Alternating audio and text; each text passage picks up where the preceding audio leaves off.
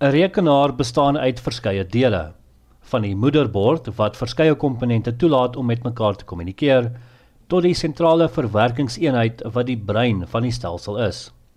Een van die belangrikste komponente is die ewe toeganklike geheuestokkies, in Engels bekend as RAM.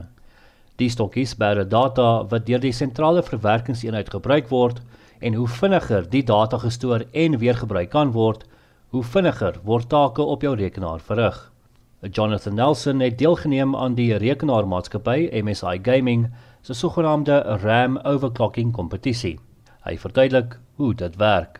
RAM comes out at a set frequency. So when you overclock RAM, you're basically taking it past its what you call factory capabilities. So you have to adjust certain timings. You basically play around with voltage and timings until you can get it to a level of stability.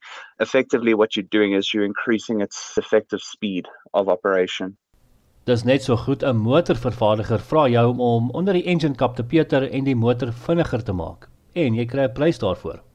Nelson sê hy het 9de plek behaal omdat hy die reëls verkeerd verstaan het. Anders was hy dalk eerste.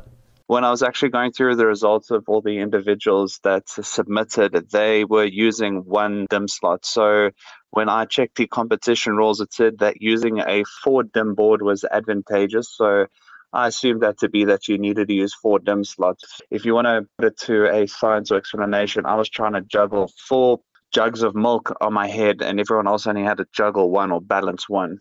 Die soort ding maak rekenaar-entoesiaste baie opgewonde. Hulle kan met hul eie rekenaar rondspeel en dit vinniger maak as wat die vervaardiger dit ontwerp het. Rekenaarmaatskappye kan ook die data gebruik om beter komponente te vervaardig. 99% of South Africa has either worked or used a PC at some point of their lives and we will continue to do so. Technology is always going to be something that we utilize in everyday life. So, the point of me doing this is I like to understand technology from the most complicated to the most simple. So, by me pushing computers past what their limits are, you can actually make a statement to say this is what it's capable of. Because if you look 10 years ago, we were on what was called DDR3. Uh, technology has evolved since that point. So, regardless of whether you're aware of it or not, you're part of the race of computer parts getting faster and better.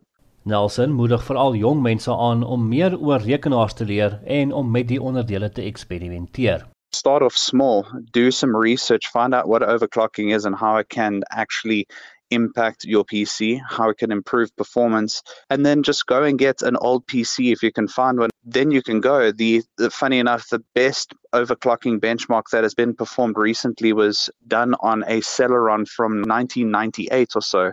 So you can use computer components that are old and still push it past its boundaries. Jonathan Nelson wat die YouTube kanaal Woodini bedryf. Ek is Justin Kennerly vir SI Garnis.